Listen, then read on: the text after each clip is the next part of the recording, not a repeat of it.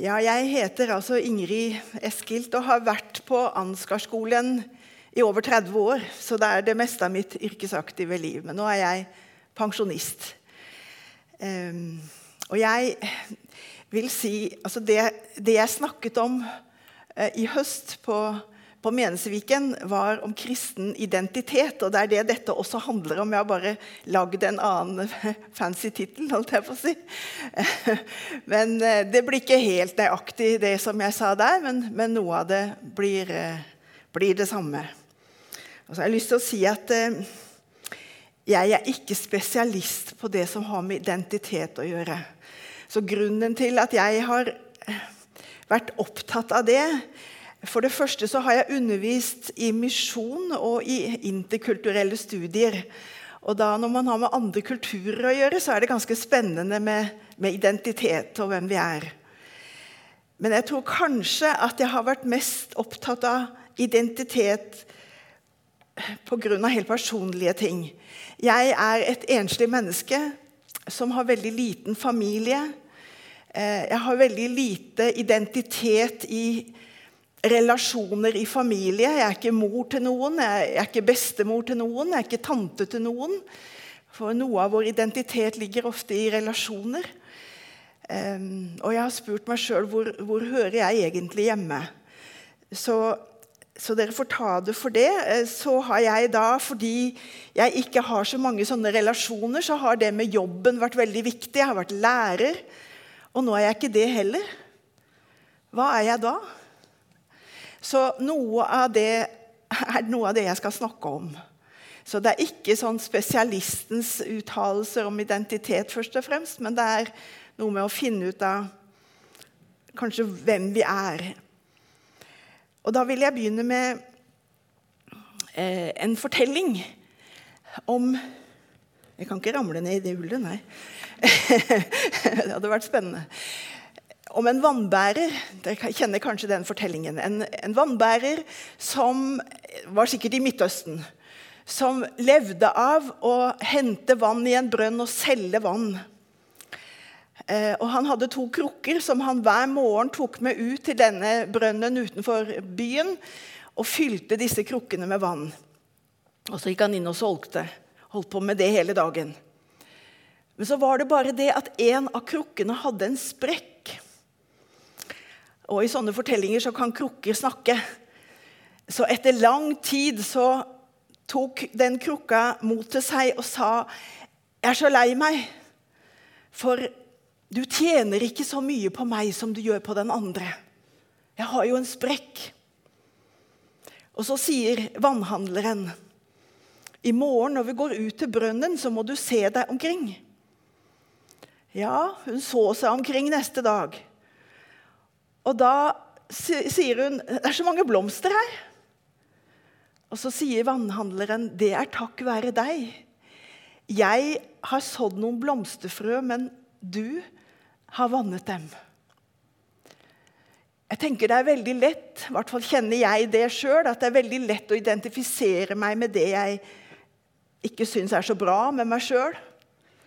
Jeg er liksom en krukke med sprekk i. Um, og så tenker jeg Det kan være viktig for oss som, eh, som troende, som Jesus-troende, å se på hva er det som gjør Som er det viktigste for hvem vi egentlig er, og hvor vi hører til. Så det her er eh, disposisjonen. Jeg skjønner at vi skal ha en pause underveis. sånn at jeg har tenkt å si noe om litt om hva identitet er, som dere ser. Eh, og diskusjoner og endringer i synet på, på identitet i takt med hvordan samfunnet har endra seg. Og så hva Bibelen sier om hva et menneske er, ut ifra Salme 8. Jeg må jo si at jeg har ikke funnet ut alt dette sjøl. Jeg har tatt noe fra forskjellige som kan dette bedre enn meg. Men vi skal bruke Salme 8. Eh, og og etter det så tenkte jeg vi skulle ha en pause etter punkt to. Og så skal vi si noen ting om hva er det å ha sin identitet i Kristus. Og så et hovedvers som jeg kommer tilbake igjen til flere ganger. det er, står i Romerbrevet 8, og det kan vi gjerne lese helt sånn innledningsvis. I Romerbrevet 8, vers 15, så står det Dere har ikke fått den ånden som slavene har, så dere igjen skulle være redde. Nei, dere har fått ånden som gir rett til å være Guds barn. Den som gjør at vi roper 'Abba, far'.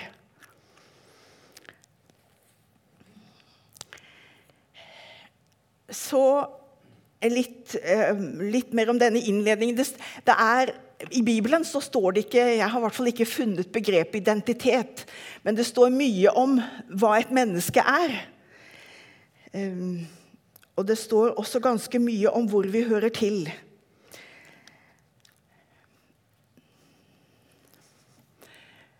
Så er det mange Avhengig av hvilke fagpersoner som uttaler seg, så er det mange forskjellige innfallsvinkler til det, hva identitet er for noe.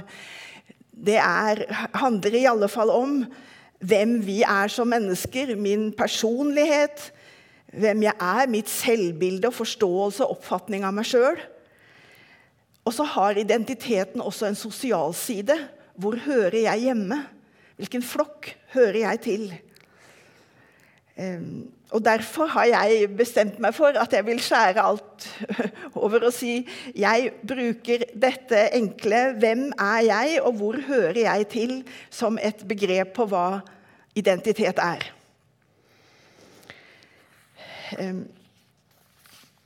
Så har jeg gjort meg bruk av en, en mann som heter Leif Gunnar Engedal, som, eh, som nå er pensjonist, han òg, men han har jobbet på Institutt for sjelesorg for Modum i mange år. Og han sier om, om eh, hvor, hvordan identiteten vår dannes. Og da sier han det er fire hovedting som er med på å danne vår identitet. Og det første er det fundamentale som har med biologi å, å gjøre. Hvordan vi er født, hvordan vi er, er skapt. Eh, hvordan hudfarge vi har, f.eks. Det er jo et problem for mange nordmenn i dag som har en annen hudfarge enn hvit, de har kanskje aldri bodd noe annet sted i Norge, men stadig vekk så blir de spurt hvor kommer du ifra. eh, og så har jeg nettopp vært i en 50-årsdag på lørdag. og Det var en gammel student, og han er blind. Så helt fra han var født, så har noe av hans identitet vært at han er en blind person. Jeg hadde en bror som hadde Downs. Og det var en veldig veldig viktig del selvfølgelig av hans identitet, som han var født med. Og For det andre så er det ganske selvsagt det han, han, kaller det med litt fine ord, men i alle fall det som han kaller dynamisk base, som ha, handler om når vi blir født, hva slags eh, fellesskap, hva slags relasjoner har vi til eh, Altså, Hvilken familie vokser vi opp i? Hvordan er samspillet i den familien? Blir jeg avvist? Blir jeg tatt godt imot? Er jeg adoptert, kanskje? Vi, Der skapes veldig grunnleggende ting som har med tillit å gjøre, f.eks.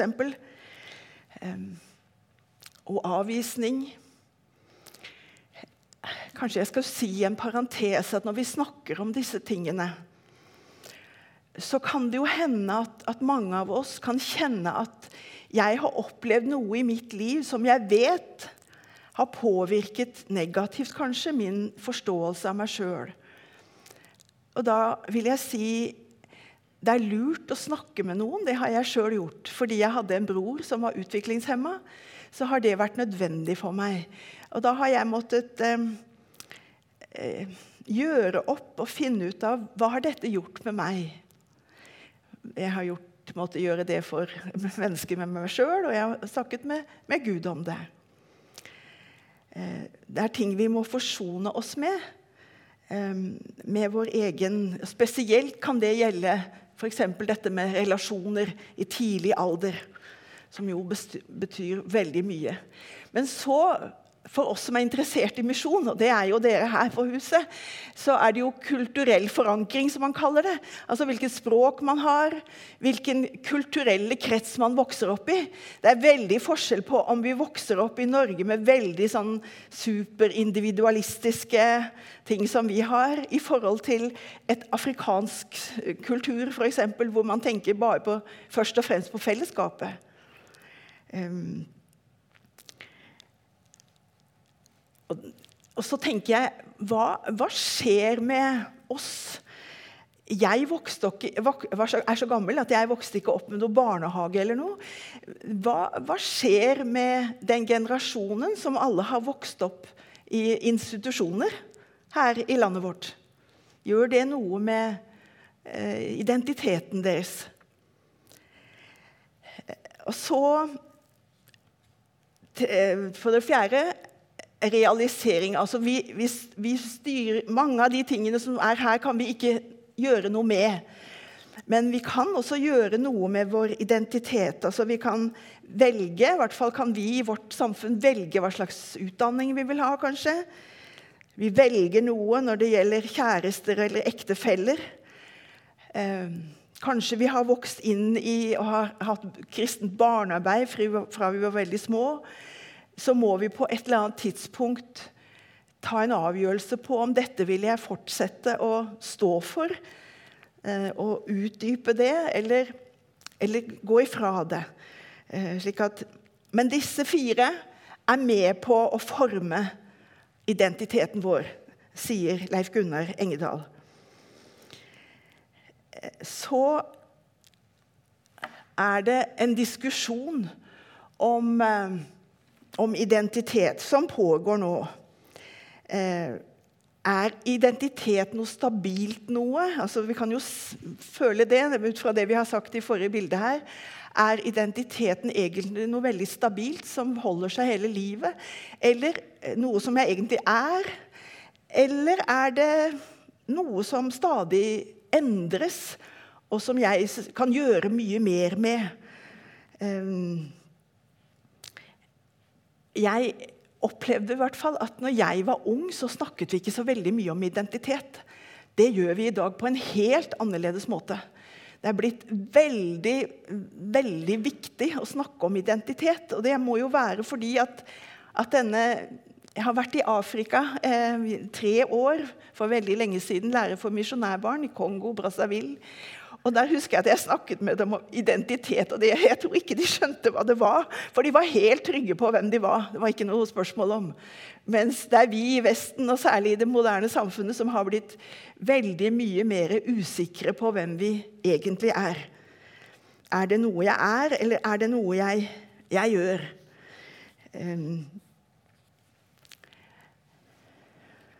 Jeg skal komme tilbake igjen til det, men eh, det er blitt mye mer av tanken om at at identiteten er i stadig endring.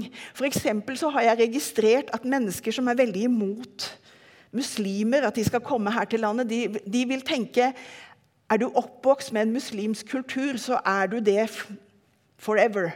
Du forandrer deg ikke.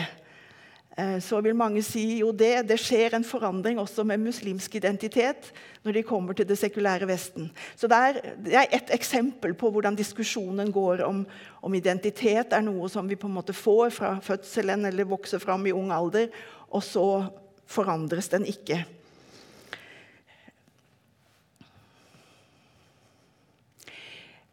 Det vi kan si, det er jo at etter krigen har det norske samfunnet i stor grad endra syn på identitet, som jeg allerede har nevnt litt.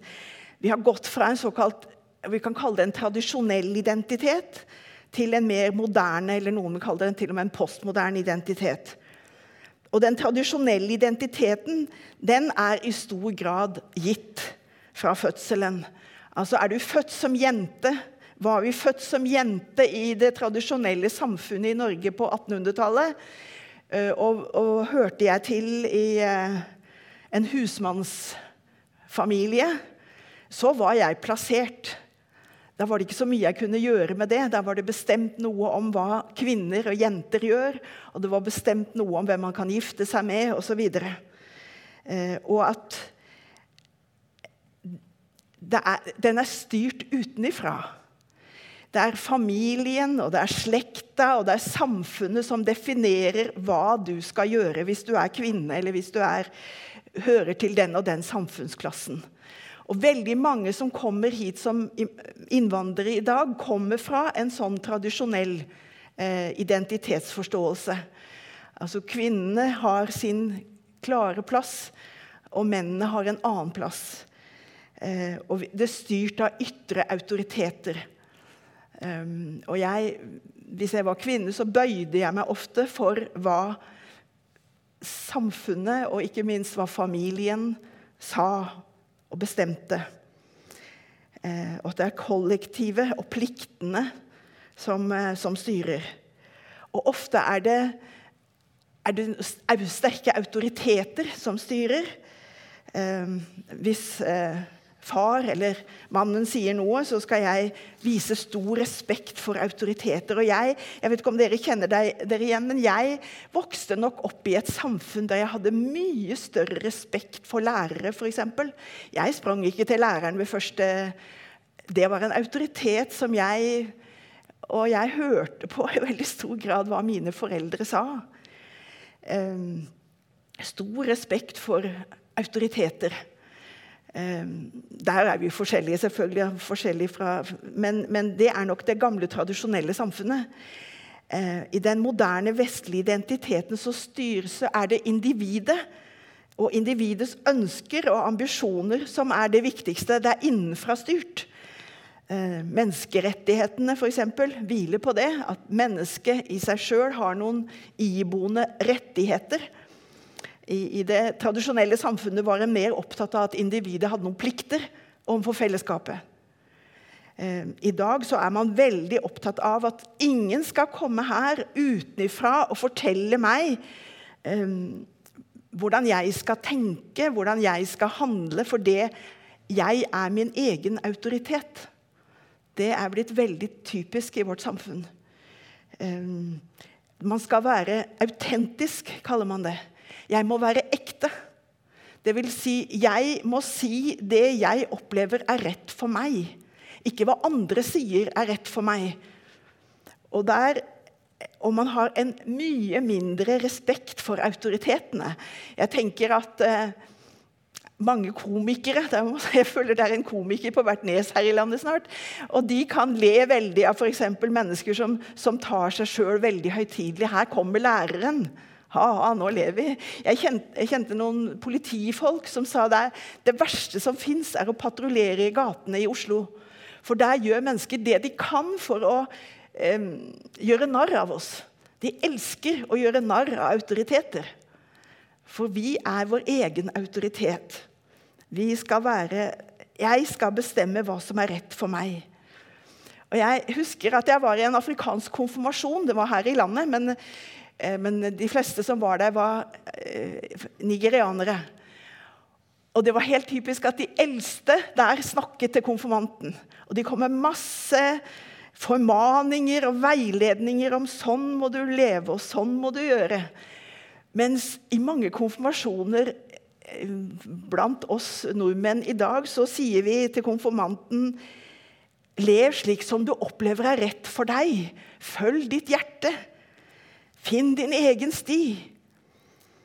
Eh, lev sånn at du opplever at, at du er ekte. Jeg, jeg, hadde en sånn diskusjon med mine studenter. Jeg, jeg så meg lei på at, at mange gutter for eksempel, gikk med caps i alle mulige sammenheng. Inn i kirka. Ja, til og med til nattvær gjorde de det. Og så sa jeg for meg som er gammel, så opplever jeg det som veldig forskrekkelig. Det tror de ble litt forskrekka over at jeg syntes det var så veldig. Eh, men eh, hvorfor gjør dere det, sa jeg, og det hadde de aldri tenkt på at det var noe galt med. Eh, og så, så sa jeg hvis dere blir budne til audiens hos kongen, vil dere ha capsen på? Nei, kanskje ikke da, sa de. Men hvis jeg, Dette var kristne ungdommer, da. Men hvis jeg skal møte Gud, da må jeg være meg sjøl, autentisk. Og jeg er mest meg sjøl med capsen på, sa de. Ja. Det, men det er et eks, veldig tydelig eksempel på dette. At uh, følelsen av identitet har skifta fra å høre etter hva utenfra autoriteter sier, til at jeg selv er min egen. Jeg må finne ut hva er rett for meg. Bare noen eksempler på det. En uh, sosialantropolog hun sier uh, at vi har beveget oss fra autoritet altså det er det jeg har sagt nå, vi har beveget oss fra å lytte til autoriteter eh, som bestemmer noe om hvordan min identitet egentlig, hvordan jeg skal leve livet mitt, til autentisme. Altså til å være autentisk, til å si 'jeg må være meg sjøl', det som er rett for meg. Og hun, eh, Marianne Gullestad hun eh, lagde en eh, hun, hun, sendte ut forespørsler til kvinner i forskjellige aldersgrupper om de ville fortelle om livet sine. Og det var ganske interessant. De eldste kvinnene sa da jeg, jeg vokste opp, og jeg var mest opptatt av å være til nytte og finne min plass i familien. Og kanskje familien venta at jeg skulle hvert fall vente med å gifte meg, for jeg skulle ta meg av gamle foreldre. Og det hadde de gjort. Det sa noen av de eldste. Mens de yngste sa jeg holder på med å finne ut av hvem jeg er. Um, det er autentisme. Fra å være til nytte til å finne meg sjøl.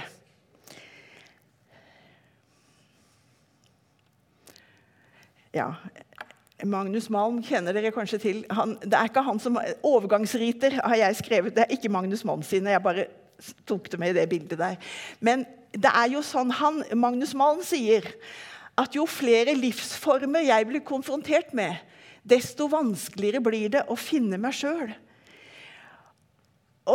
Jeg har tenkt på Jeg har jo ingen barn, men jeg tenker Hvis man har barn i barnehagen, og der er det noen som har to mødre, og noen andre barn som har bare én mor og ingen far eller noe, og noen har mor og far altså Fra veldig veldig tidlig alder så blir man konfrontert med veldig mange ulike måter å leve livet på på en helt annerledes måte enn, jeg opplevde at jeg ble når jeg, når jeg var barn. Og det gjør jo at, at, vi blir mer usikre. Så jeg snakker av og til med gamle studenter eller sånn, som nå er blitt unge voksne. Eh, og de kan si jeg, jeg går på universitetet, og de er altså i 20-årene. De sier i noen i, i, i, mitt studiemiljø de er ikke sikre på enda om de er mann eller kvinne. sier de. Jeg kan nesten ikke fatte det. Men, men altså, jo mer vi blir påført av ulikheter som vårt samfunn byr på um,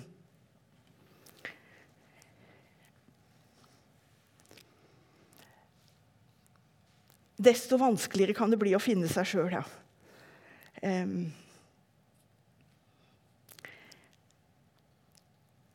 det kan være veldig fint, det der å utforme sin egen identitet.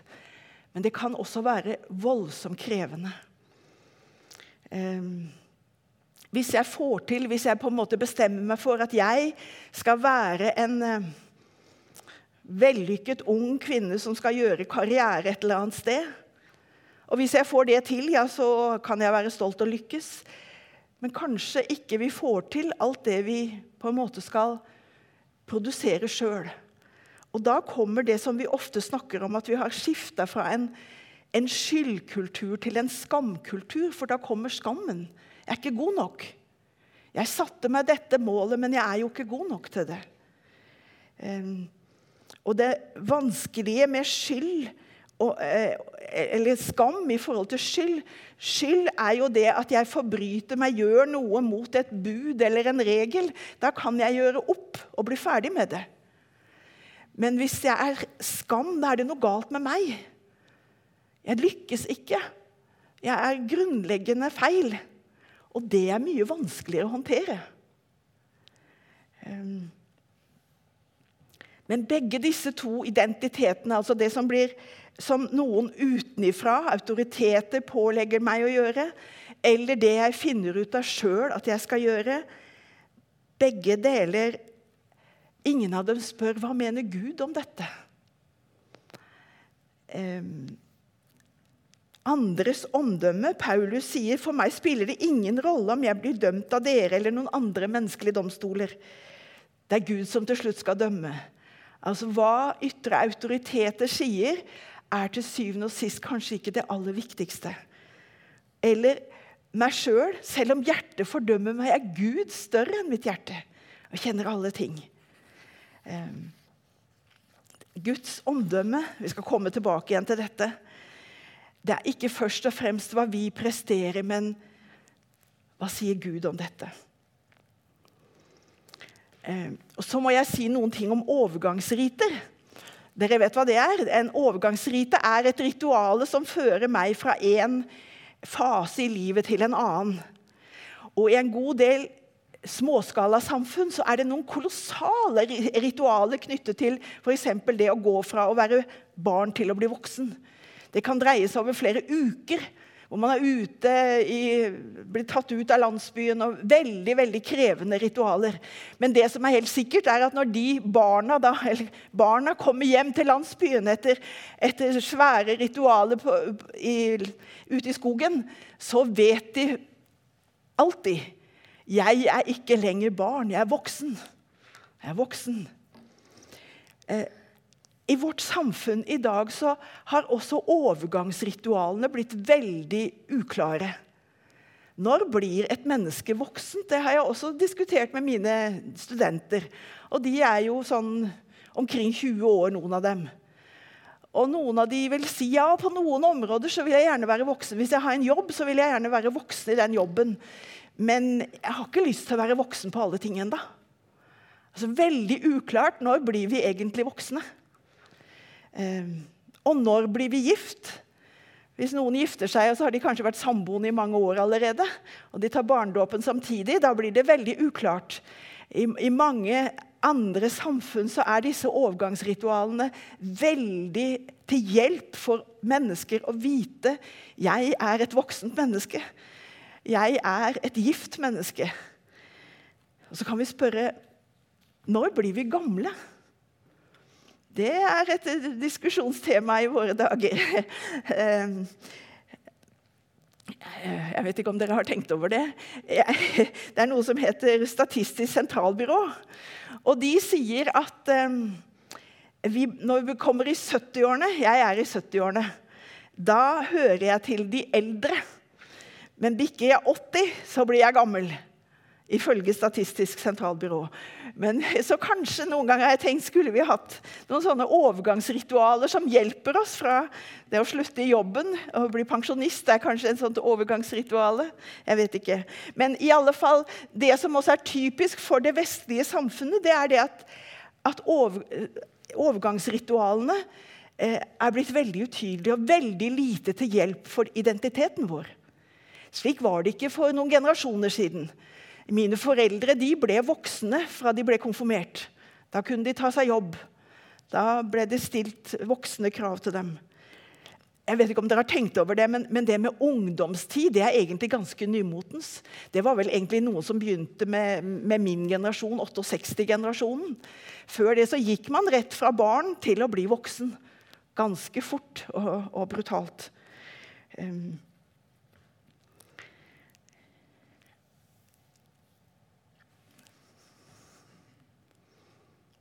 Vi har veldig, veldig mange valgmuligheter. Var, jeg tror det var 15. april. Da var det eh, deadline for at de som gikk siste året på videregående, skulle søke inn på, på høy, videre utdanning. Og det, jo, det, er jo hundrevis, for nesten snakk om tusenvis av valgmuligheter. Og Jeg snakket med studentene mine også og sier dere har altfor mange valg. Ja, sier de. Og Samtidig så må vi jo si at det er jo fantastisk at vi har fått sånne valg. Altså Min mor sa alltid hvis jeg kunne ha valgt, da ville jeg ha blitt gartner. Men det ble hun ikke. Og min far han sa jeg ville ha studert litteratur, men det hadde jeg ikke råd til. Slik at Mange ting er vi veldig takknemlige for, den friheten vi har fått. Det, det må vi bare være takknemlige for. Men eh, Og, og gjennom sånne Gjennom utdanning så kan jo mennesker gjøre det vi kan kalle klassereiser. Slik at Det er jo en av tingene som er veldig viktig når vi har bistandsarbeid. At vi, vi satser på at kvinner skal få utdanning. Det er en måte å komme ut av fattigdom på, f.eks. Så det er veldig mye som er fint med, med frihet som, eh, som vi har fått i det moderne samfunnet. Men disse valgmulighetene skaper også en enorm forvirring. Hvis jeg har fritt valg med hensyn til hvem jeg er, og hvordan Én ting er hva slags klesstil jeg vil ha, og hva slags eh, livsstil, men jeg kan velge kjønn. Hvem er jeg egentlig da? Det er hårfine grenser mellom det å, å ha en god frihet og det som er destruktiv forvirring og manglende trygghet. Og det er det mye av i vår tid. Og jeg, til søndag er det en tekst om Jesus som den gode hyrden. Og Jesus så noen ganger på folkemengden, og så sa han han syntes inderlig synd på dem, for de var som sauer uten gjeter. Og sånn føler jeg noen ganger at vårt samfunn er blitt. Vi er som sauer som er totalt forvirra og har ingen til å Hvem leder oss? Og så, så er jeg blitt veldig overbevist om at friheten avhenger av at den har et feste. Hvis jeg har et feste et sted Akkurat som Jesus sier 'jeg er porten'. Hvis man går inn gjennom porten, så kan man gå ut og inn og finne beite. Men da har man et fast feste. Hvis man ikke har et feste, så, så henger man i løse lufta. Og Jeg føler det er så mange mennesker. Jeg tror at Gud sørger over at det er så mange mennesker som er så forvirra. Um, og da skal vi lese fra Salme 8. hvis dere har Jeg så ikke på når jeg begynte. Jeg, jeg, er det greit enda? Vente litt til. Jeg vil lese Salme 8. Og Bakgrunnen for det, det er at eh, Man kan si at det moderne Europa har fra 1800-tallet fram til i dag Det er Leif Gunnar Engedal som sier, men jeg syns det var veldig klokt sagt. Har et valg det er to profeter, kaller han det, som på en måte har ledet oss i to forskjellige retninger i Europa. Og Den ene er Bibelen og David og Salme 8, som vi skal lese. Og den andre er Nietzsche, som sier 'Gud er død'. Men skal vi lese Salme 8. Herre, vår Herre, hvor herlig ditt navn er over hele jorden. Du som har bredt ut din prakt over himmelen. Fra småbarns og spedbarns munn har du reist et vern mot dem som står deg imot, for å gjøre ende på fienden og hevneren. Og så kommer det Når jeg ser din himmel, et verk av dine fingre, månen og stjernene som du har satt der, hva er da et menneske? At du husker på det. Et menneskebarn, at du tar deg av det. Du satte ham lite lite lavere enn Gud og kronet ham med herlighet og ære. Du gjorde ham til herre over dine henders verk. Alt la du under hans føtter. Småfe og storfe i samlet flokk, de ville dyrene på marken, fuglene under himmelen og fisken i havet, alt som ferdes på havets stier. Herre, vår Herre, hvor herlig ditt navn er over hele jorden. Det at Jeg må bare se på hvilket bilde jeg får. Ja. Eh, salmisten David får et syn av Guds storhet. Han, han, han, skrev her når jeg ser din himmel, et verk av dine fingre, hva er da et menneske? Men tenk at du husker på det. At du ser til det. Og det er den ene profeten i Europa som sier Gud ser deg, Gud finnes. Du kan hvile for ditt liv. Din mening med livet, det er å finnes i min nærhet, i mitt fellesskap.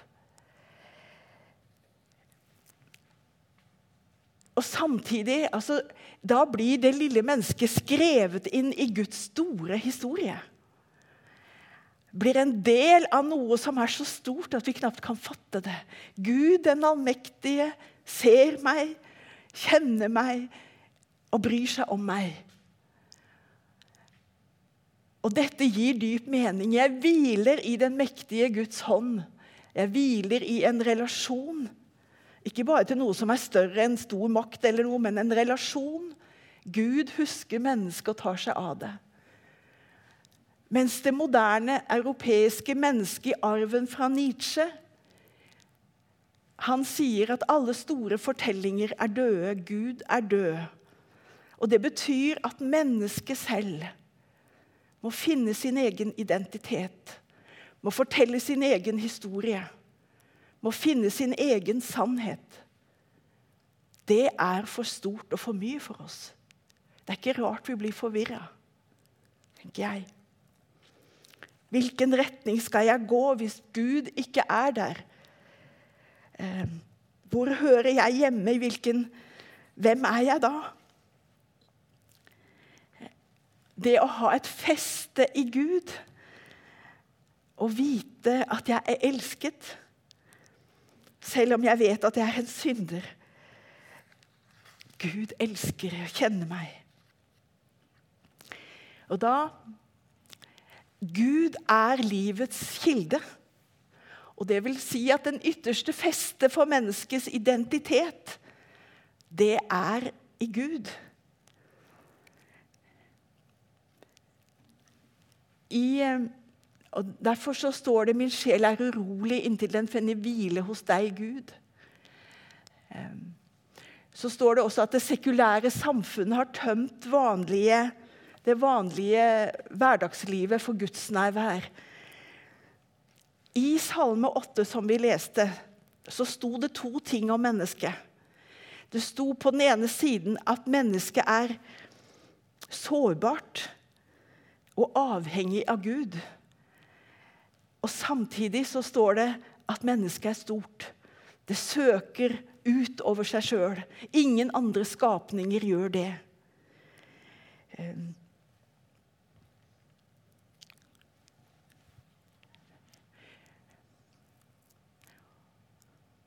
Vi er sårbare og avhengige. Hva er da et menneske at du husker på det?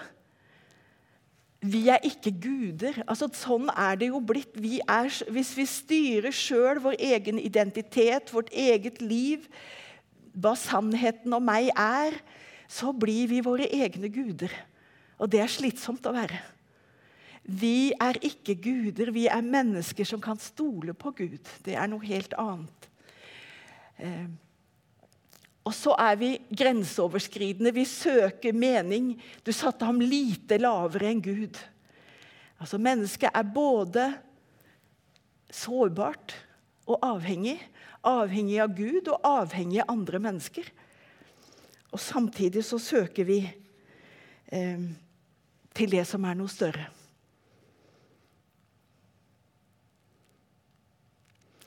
Og så må vi høre til et sted. Vi hører til hos Gud. Mennesket i det er to steder i Det gamle testamentet som jeg fordi jeg sa til å begynne med at jeg er et enslig menneske. Jeg har tenkt hvor hører jeg egentlig til? Har jeg noen familie? Jeg har veldig lite familie. Um, og Da det, står det i Salme 90 Gud har vært en bolig for oss i slekt etter slekt. Og, derfor, og en bolig er den eldgamle Gud. Her nede er hans evige armer. Det er blitt veldig godt for meg. Gud er en bolig som jeg Han omgir meg. Han, jeg bor hos han. Eh, kristen gudstro er å, å være overbevist om at Gud er nærværende også i det alminnelige mennesket. Jeg hører til hos Gud.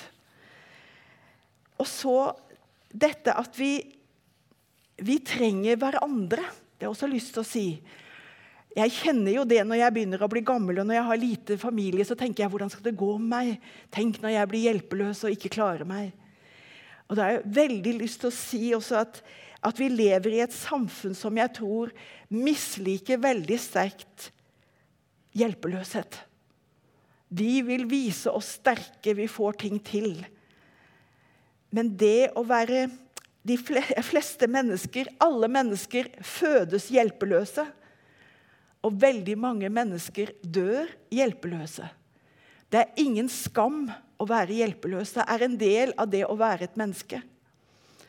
Ehm, og Derfor er det en eh, etiker som heter Løkstrup, som sier vi gir hjelp når vi kan, og vi tar imot hjelp når vi må. Dette er den etiske sirkelen i tilværelsen. Det å ta imot hjelp er ikke negativt. Det hører med til det å være et menneske. Og det er viktig at vi sier til hverandre, særlig når vi begynner å bli eldre. Det er Og så tenker jeg Hvis det viktige er at vi er sterke og får allting til og husker alt, hvordan er det da å være dement? Nå er det blitt så moderne med demens og det fine demenskoret. Jeg er jo så takknemlig for det. Men eh, jeg, jeg hørte om en, eh, en, dement kvinne som, eh, som gikk omkring hvileløst på et, eh, en institusjon. Og Så kom det en sykepleier inn, og så hørte hun at denne kvinnen ropte delvis 'Gud, Gud'. Og Så sier sykepleieren, 'Er du redd for å glemme Gud?' 'Ja', ropte hun. Og så sier sykepleieren, 'Det viktigste er ikke at du husker Gud' men at han husker deg. Han husker deg. Det å fra fødselen av vite 'Jeg har sett av Gud. Jeg er i hans hender.'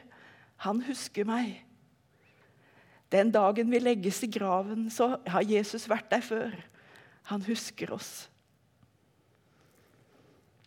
Og så tror jeg er kommet til det siste bildet før vi skal ta pause. Det er tre ting som vi kan si som er felles for alle mennesker, uansett hvem vi er, hvilken kultur vi tilhører. Og Det ene er at vi er skapt i Guds bilde.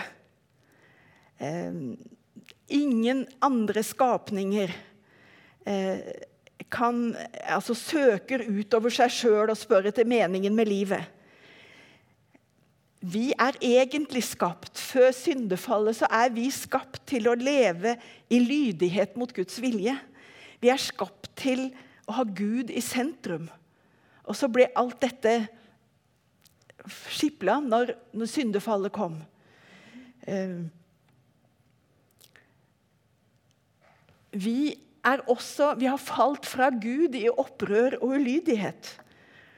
Og Merket med Guds bilde så ble mennesket ført ut, eller jaget ut av paradishagen. Derfor bærer alle mennesker på et gudsopprør i sitt hjerte. Og samtidig så finnes det der et spørsmål Hvem er jeg? Hvor hører jeg til? Dette at vi, har, vi er skapt til noe større.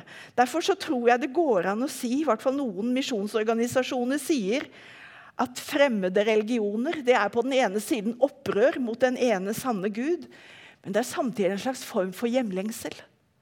Jeg vet ikke hva jeg lengter etter, men det er et eller annet. Men vi har fått en forvrengt relasjon til Gud. Og vi har satt oss sjøl i sentrum istedenfor Gud. Vi dyrker skapningen i stedet for skaperen, står det i romerbrevet. Og så for det siste, som er på en måte selve kjernen i det at vi driver misjon, at Gud leter etter alle mennesker for å bringe dem hjem igjen. Og Det finnes egentlig bare to grupper av mennesker. Det er de som Gud alt har funnet, og de han fortsatt leter etter. Da har jeg tenkt å ta en pause. Jeg har sagt mye om om hvordan jeg syns at, at, ting i samfunnet er som, som, er krevende for, for dette med identitet. Eh, nå vil jeg prøve å si litt mer tydelig om hva er, hva er kristen identitet.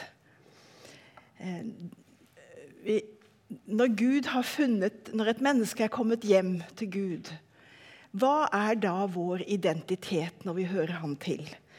Det vil jeg si noe om på slutten. Og da er dette på en måte disposisjonen for det jeg vil si. For det første at jeg er Guds barn.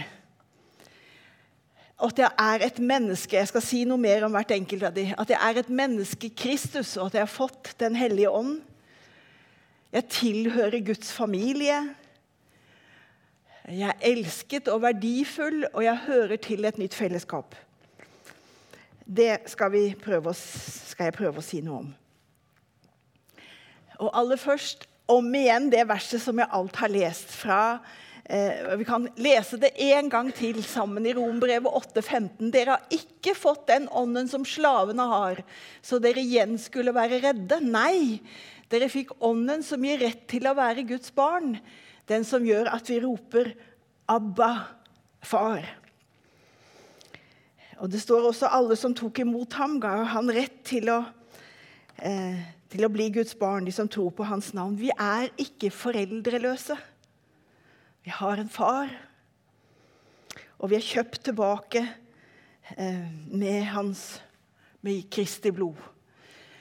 Um, og vi er i Kristus. Jeg elsker det. Vi er mennesker i Kristus.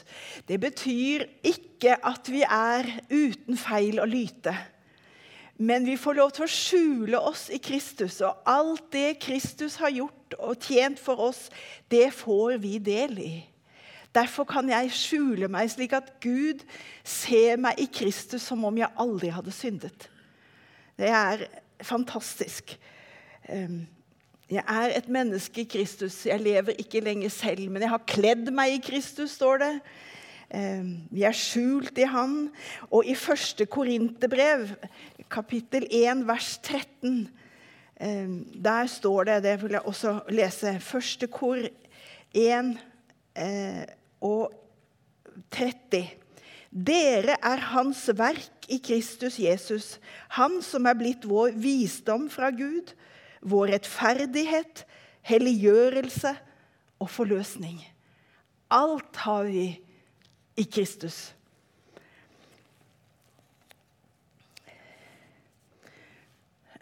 Og så En annen ting som er veldig flott. Særlig i Galaterbrevet skriver, skriver Paulus om at, eh, at, Abrahams velsignelse Det står jo at Gud valgte ut Abraham eh, for at han skulle være en velsignelse for alle folkeslag. Og så er han alle troendes far. Slik at Abrahams velsignelse skal komme til folkeslagene gjennom Jesus Kristus. Så vi ved troen skulle få ånden som det var gitt løfte om. Og hvis, en, hvis dere noen gang begynner å lure på hva er vitsen med mitt liv, da kan dere i hvert fall vite vi er her for å bringe Abrahams velsignelse til folkeslagene. For at vi er her for å velsigne. For at mennesker skal bli velsignet. Ehm, det er et kjempeoppdrag. Og så tilhører vi Guds familie. Vi er kommet tilbake, kommet hjem. Og Kristus er vår bror. Sønnen kaller seg han skammer seg ikke over å kalle oss søsken. Jeg vil forkynne ditt navn for mine brødre og jeg tror også for, for søstre. Jeg henger ikke i løse lufta lenger. For meg som har så liten familie, så har dette vært veldig stort. Jeg tilhører Abrahams, Isaks og Jakobs Gud er min Gud. Jeg tilhører, Dere, vi som tror, vi tilhører den store frelses eh, eh, Hva skal jeg si historien. Og vi er en del av noe stort som vi knapt kan forstå. Eh, jeg, jeg, vi tilhører noe som er større enn vår familie. Det er større enn vår ett. og større enn våre etniske grupper. Vi tilhører den allmektige Gud og hans familie. Det er ære og større enn vi kan fatte. Og så er vi elsket og verdifulle. I Det gamle testamentet også. Det er mange som sier det, det gamle testamentlige guden er vanskelig å forstå. Det står mange ting der som er vanskelig å forstå. Det er jeg enig i. Men til og med i Det gamle testamentet så står det noen fantastiske vers om hvordan Gud elsker mennesker som tar sin tilflukt til ham.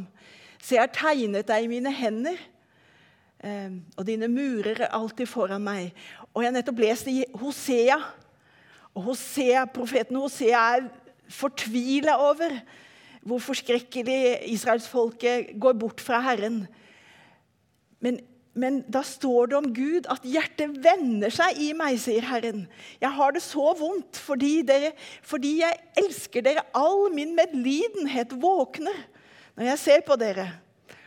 Og så så vi jo hvordan Guds medlidenhet våknet når vi nettopp har feiret påske. Og Jesus ga sitt liv frivillig.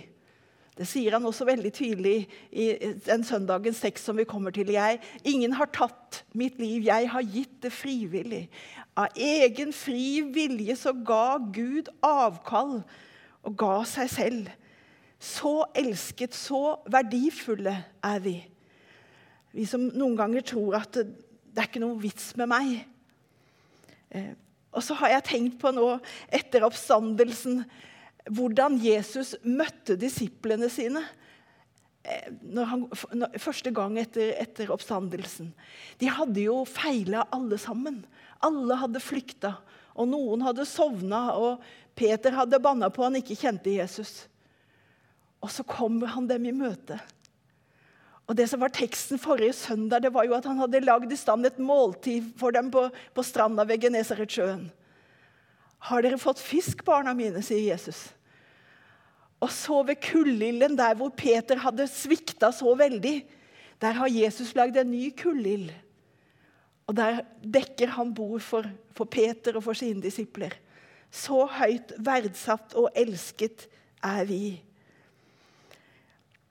Han som ikke visste av synd, er blitt gjort til synd for oss. Og så har vi fått et nytt fellesskap. Vi er blitt lemmer på Kristi kropp. Vi er alle lemmer på Kristi kropp. Og Derfor har vi også et oppdrag. Vi har fått nådegaver. Det er bruk for oss. Vi er Guds medarbeidere og utsendinger for Kristus. Og vi har fått en ny tilhørighet. Ikke en som vi må skape sjøl, men en som er åpna for oss pga. Jesu verk for oss. Så får vi lov til å gå inn i dette fellesskapet og bli en del av Kristi kropp. Og Det kristne fellesskapet det er ikke en klubb. Det er en familie. Det er forskjell på en klubb og en familie. Det kristne fellesskapet det er en, i en klubb. Jeg går i en uh, syklubb. Hvis jeg liker å sy, hvis jeg blir lei av å sy, så slutter jeg der. Men familien min er noe helt annet. De er jeg bundet til med blodsbånd. Det er det kristne fellesskapet. Jeg er kommet inn i et fellesskap som er sterkt, og som er stort. Eh, og så er det veldig viktig å si at det viktigste og det må jeg også si til oss som begynner å bli gamle, men det får høre på det, dere som er unge òg. At det er veldig lett i det kristne fellesskapet. Det er masse ting vi skal gjøre der. Noen ordner med kaffe og mat her og sånn. Og noen har stått på og jobbet i det kristne fellesskapet et langt liv. Og så blir noen av oss gamle og skrøpelige. Og så har jeg møtt på gamle mennesker som sier men det er ikke bruk for meg lenger. Jeg orker ingenting, jeg kan ingenting. Og da vil jeg si så sterkt jeg bare kan. Det viktigste er ikke hva vi gjør. Det viktigste er den vi er. Ingen kan ta fra oss det. Vi er Guds barn, og vår verdi ligger i den vi er. Vi er skapt av Han, vi er kjøpt av Jesus. Vi er Guds barn. Og det er vi inntil vi ser Han som Han er. Og ingen må tillate seg å si jeg er min. Og Det er viktig for oss at vi tar vare på også de som blir eldre og som ikke kan stå på og gjøre ting lenger. De er like verdifulle. De hører med til kroppen. Det viktigste i livet er ikke hva vi har fått til, men hva vi har fått. Ikke glem det.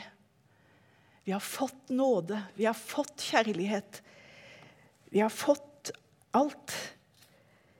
Det viktigste, og det Vi snakker jo om at den unge generasjonen i dag er generasjon prestasjon. Du må stå på til krampa tar deg. Du må prestere. Prester på skolen, prester sånn som sosiale medier sier du skal. Kan, og derfor å kunne si til, til generasjon prestasjon at det viktigste er ikke hva du presterer. Det viktigste er hvem du er. Du er et menneske skapt av Gud og elsket av Gud. La ingen ta fra deg tryggheten i at du er verdifull.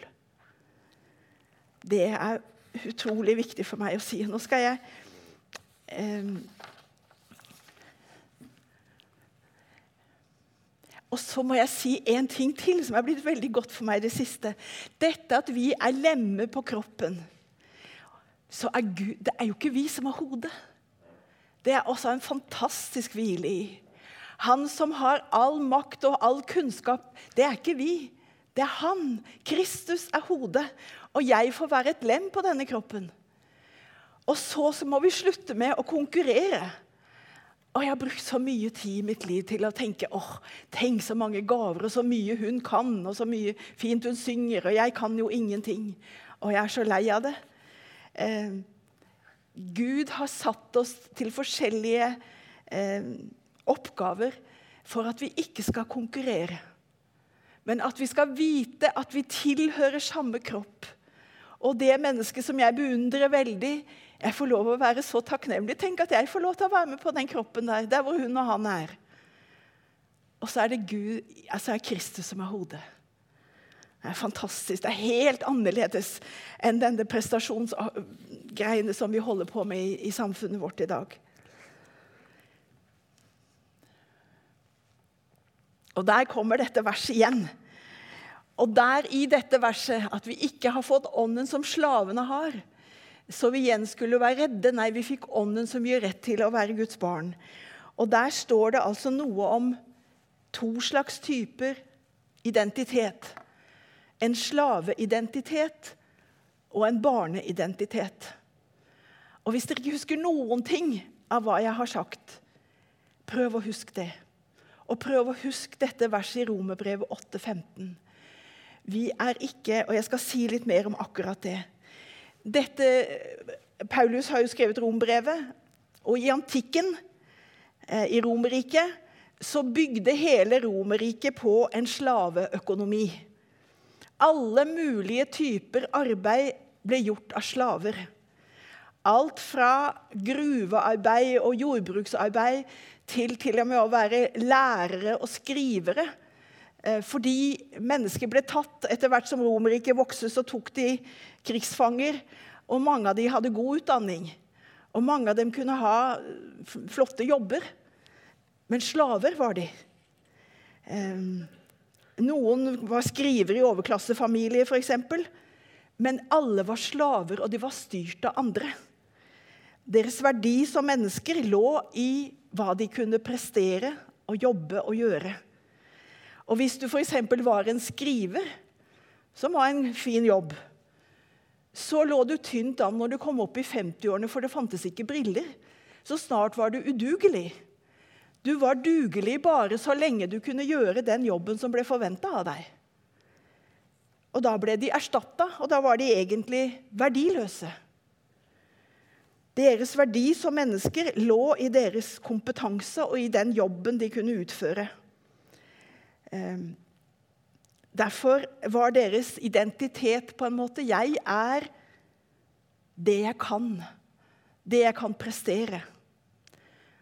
Og så kan vi spørre oss var det bare i antikken i Romerriket det var sånn. Er det helt uh, ukjent for oss i dag? Um, finnes det ikke mye slaveidentitet i dagens moderne samfunn. Vi tolker ofte oss sjøl som slaver. Um, er jeg god nok? Er det godt nok, det jeg gjør? Jeg sammenligner meg med alle andre. Og nå som jeg har blitt pensjonist, jeg som ikke er mor eller bestemor eller noe, og som har vært lærer med stor L, og det er jeg ikke lenger, er det noe vits med meg da? Det er slaveidentiteten. Det er vits med meg så lenge som jeg kan prestere noe. Og dette er slaveidentitet som vi må Det er ikke Guds barn. Barneidentitet og slaveidentitet er to forskjellige ting. Jeg, jeg holdt lenge fast på det med jobben, å være lærer. Og så kunne jeg si ei stund Jeg er til og med sensor ved eksamen enda. Det kan jeg ikke si lenger, fordi pensumet endrer seg, og jeg har ikke fulgt med på det. Jeg, jeg er eh, akterutseilt. Det er farlig i dette samfunnet som vi, vi har. Er du, er du, ikke god nok? Er du ikke flink nok? Et voldsomt press på, for vi må prestere sjøl. Slik er det ikke i Guds rike. Verdien vår ligger ikke i hva vi presterer. Den ligger i hva vi har fått av Herren Jesus, og hva Gud har gjort for oss. Det er eh, noe av det første jeg vet ikke om dere er sånn, men det er veldig lett at noe av det første vi spør et fremmed menneske om hvis vi møter det Jeg har nettopp vært i 50-årsdag, som jeg sa, og satt ved siden av en ung dame. Og Da er det veldig lett å spørre ja, hva, hva gjør du? Og tenke at hun kanskje studerte, eller kanskje hun jobbet. Og så gjorde hun ingen av delene. Og det var gått en stund så sa hun det er veldig vanskelig for meg å snakke med fremmede mennesker, for de forventer alltid at jeg enten skal være student eller jobbe. Og det å være ung ufør er ikke veldig enkelt. Eh, vi skal snart feire 1. mai, og vi holder på med streiker. Og vi snakker om arbeidslinja hele tida. Vi er det vi gjør. Og den som da ikke kan prestere, hva er da meningen med livet? Jeg er ingenting hvis jeg ikke produserer og presterer. Jeg har en god venninne som er i 40-årene og som har vært ufør i mange år. Og jeg ser hva det gjør med selvfølelsen og identiteten. Og Derfor tenker jeg at vi som Guds barn vi må, vi må heie på å jobbe med hvordan vi kan få fram at vår, vår dypeste identitet ligger ikke i våre prestasjoner. Det ligger i hva vi har fått av bare nåde. Det hender også at vi kan være i dette slavesamfunnet sånn konsumenter. Hvem er jeg? Jo, jeg er den som har det nyeste av det nye på, det, på sosiale medier. Eller er jeg rik, så har jeg det nyeste av biler eller hus. Eller Vi kan veldig fort tolke oss sjøl som slaver i en kultur som eh, som sier at vi er fri til å, til å ha mange suverene valg. Men nettopp fordi vi er så aleine, mange mennesker er så aleine om å velge, og det er så vanskelig, så blir vi jo påvirka. Har dere merket at det fins en ny type eh, jobber som jeg aldri hadde hørt om før for ti år siden? kanskje, og Det er jo influensere. Hva gjør de? Jo, de påvirker jo. Hvorfor det? Jo, fordi at mennesker er på leiting. Hvem er jeg? Jeg må finne ut av hvem jeg er. Og så ser jeg hvor fine og vakre disse unge jentene er, eller hva det er for noe. Influensere. Det er en del av slaveidentiteten. Jeg må være slik som alle andre. Jeg må prestere, og jeg må ha det nyeste. Ehm, derfor må spørre, Jeg må spørre meg sjøl, for jeg har også vært opptatt av er jeg god nok. Det er slaveidentiteten som spør. Hva slags livsfortelling har jeg? Hvordan ser jeg på meg sjøl? Er det med sammenligning av frykt? Eh, barneidentiteten er helt annerledes. Som jeg har sagt, så har jeg ingen, ingen barn. Men jeg forstår jo at foreldre kan bli veldig stolte av barna sine hvis de lykkes godt på skolen og Eh, idrett og i arbeidsliv osv. Men vi bytter jo ikke ut barn selv om de kanskje ikke er verdensmestere i allting. Jeg har sagt at jeg hadde en bror med Downs. Og jeg er helt sikker på at noen ganger så tenkte jeg kanskje mamma og pappa er mer glad i han enn med meg. Enda han kunne ikke lese og skrive, han kunne ikke prestere noe. Men han var barn. Han var barn. Vi kan ikke kjøpe oss til barneidentitet. Det er noe vi får, og ingen kan ta det fra oss. Vi er Vi har ikke identitet som slaver, men som barn av Gud den allmektige. Glem det aldri. Uansett hvor gamle, hvor hjelpeløse, demente vi er. Vi er barn av Gud, den som har tatt imot Han. Og da, Når vi snakker om far, så er det veldig viktig å si at mange har forskjellige farsbilder og fars opplevelser. Og Da må vi tenke på Lukas 15 om den hjem, sønnen som var borte, og som kom hjem. Han hadde gjort alt galt. Han hadde bedt om arven mens faren enda levde. Det var en forferdelig skamfull ting å, å spørre om. Han hadde sløs bort allting i sus og dus. Og når han satt i grisebingen, kan jeg forestille dere for en jøde å passe griser. Det, verre kunne det ikke bli. Og når han da kom på hjemveien, mens han enda var langt borte, står det, så står det at faren sprang han i møte. Og før han fikk tid til å be om unnskyldning og, og be om tilgivelse, så hadde faren gitt han barnekåret og barneidentiteten tilbake. Og Derfor så tenker jeg også, hvis du sitter og tenker er jeg god nok til å være Guds barn? Ja, det er du. Fordi Guds barn blir vi, alle dem som har bruk for Jesus og tar imot ham. Så får vi dette barnekåret. Helt gratis. Barneidentiteten.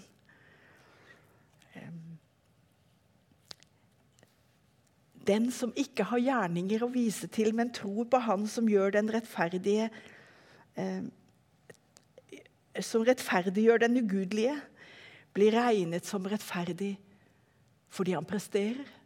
Nei, fordi han tror. Fordi han tror. Glem aldri at du er Guds barn av nåde. Og Det viktigste i barnekåret det er relasjonen med far. Det sto også i dette verset i Romerbrevet 8,15 at vi kan si 'Abba, far'. Og 'Abba' det har dere sikkert fått vite, men 'Abba' er jo en, en, et tegn, et, et, navn på far som viser veldig intimitet, som er omtrent som pappa. Og For jødene var Gud Javé så hellig at de kunne egentlig ikke nevne navnet. Derfor så står det himmelriket noen steder i Matteus istedenfor Gudsriket, for Gud var et hellig navn. Men her lærer Jesus oss at vi skal kalle hans far for vår far, pappa. Jeg har noen ganger tenkt eh, i, i, Det hvite hus Nå er det jo han som er president, er veldig gammel, så han har ikke noen småbarn lenger. Men det har hendt at det har vært amerikanske presidenter som hadde småbarn. Og for å komme inn i det såkalte ovale rommet i, president, eh, i det der hvor presidenten bor, så måtte man ha audiens. De eneste som kunne storme inn der uten audiens eller noe, det var barna. Og De kunne springe rett til presidenten og hoppe opp i fanget og si 'Pappa, her er jeg'. Og Det er det Jesus har lært oss. At vi skal, kan ha en sånn relasjon med Gud at vi kan kalle han pappa. Og komme når som helst, i alle slags situasjoner. Å være Guds barn, det er salighetens gåte. Og jeg, jeg føler at jeg, opp, jeg, jeg, trener meg på enda. At det skal gå opp for meg at hele kroppen min skal kjenne og hvile i. Hvem er du, Ingrid? Du er ikke den som skal prøve å være god nok og snill nok og pen nok og om, from nok, og for den del. Jeg er Guds barn. Det er grunnen jeg står på, og det er der jeg hviler. Og så kan vi tenke ja, men jeg har gjort synder.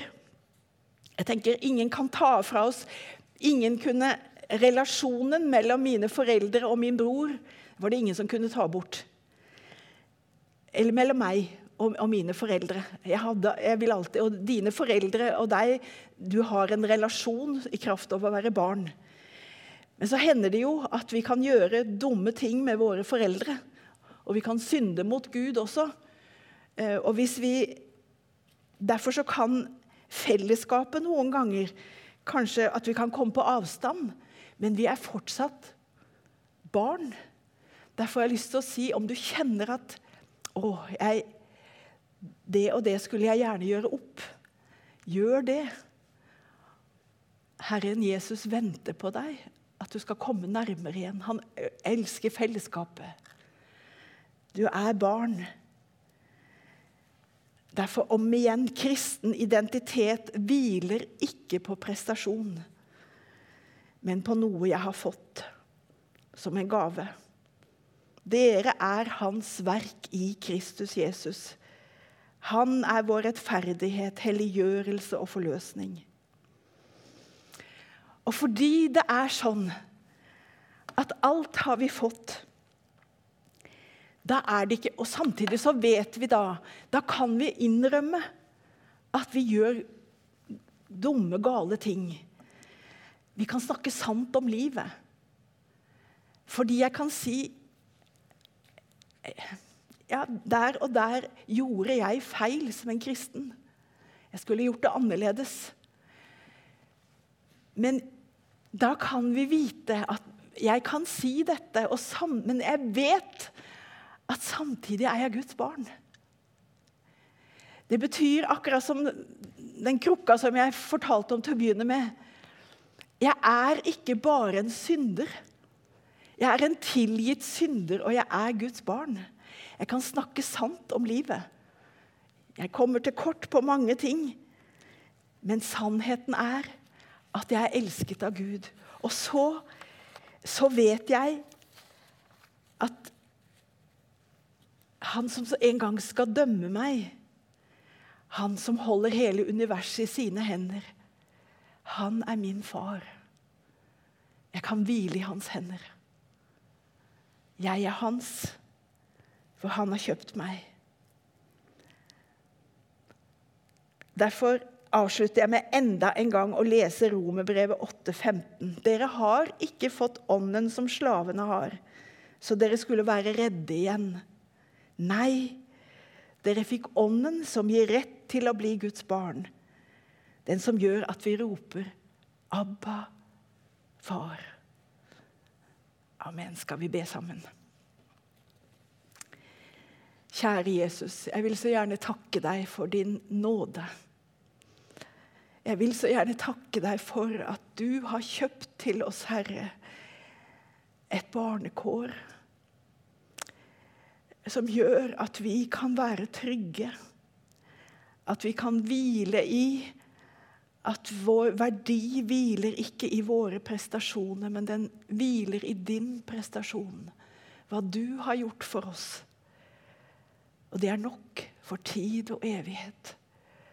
Og at vi får lov til å tilhøre din familie, og at vi får være dine barn.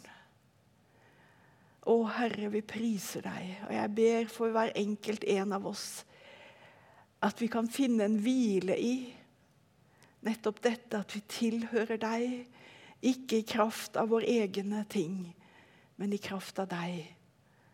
At vårt barnekår er trygt fordi du har vunnet det for oss.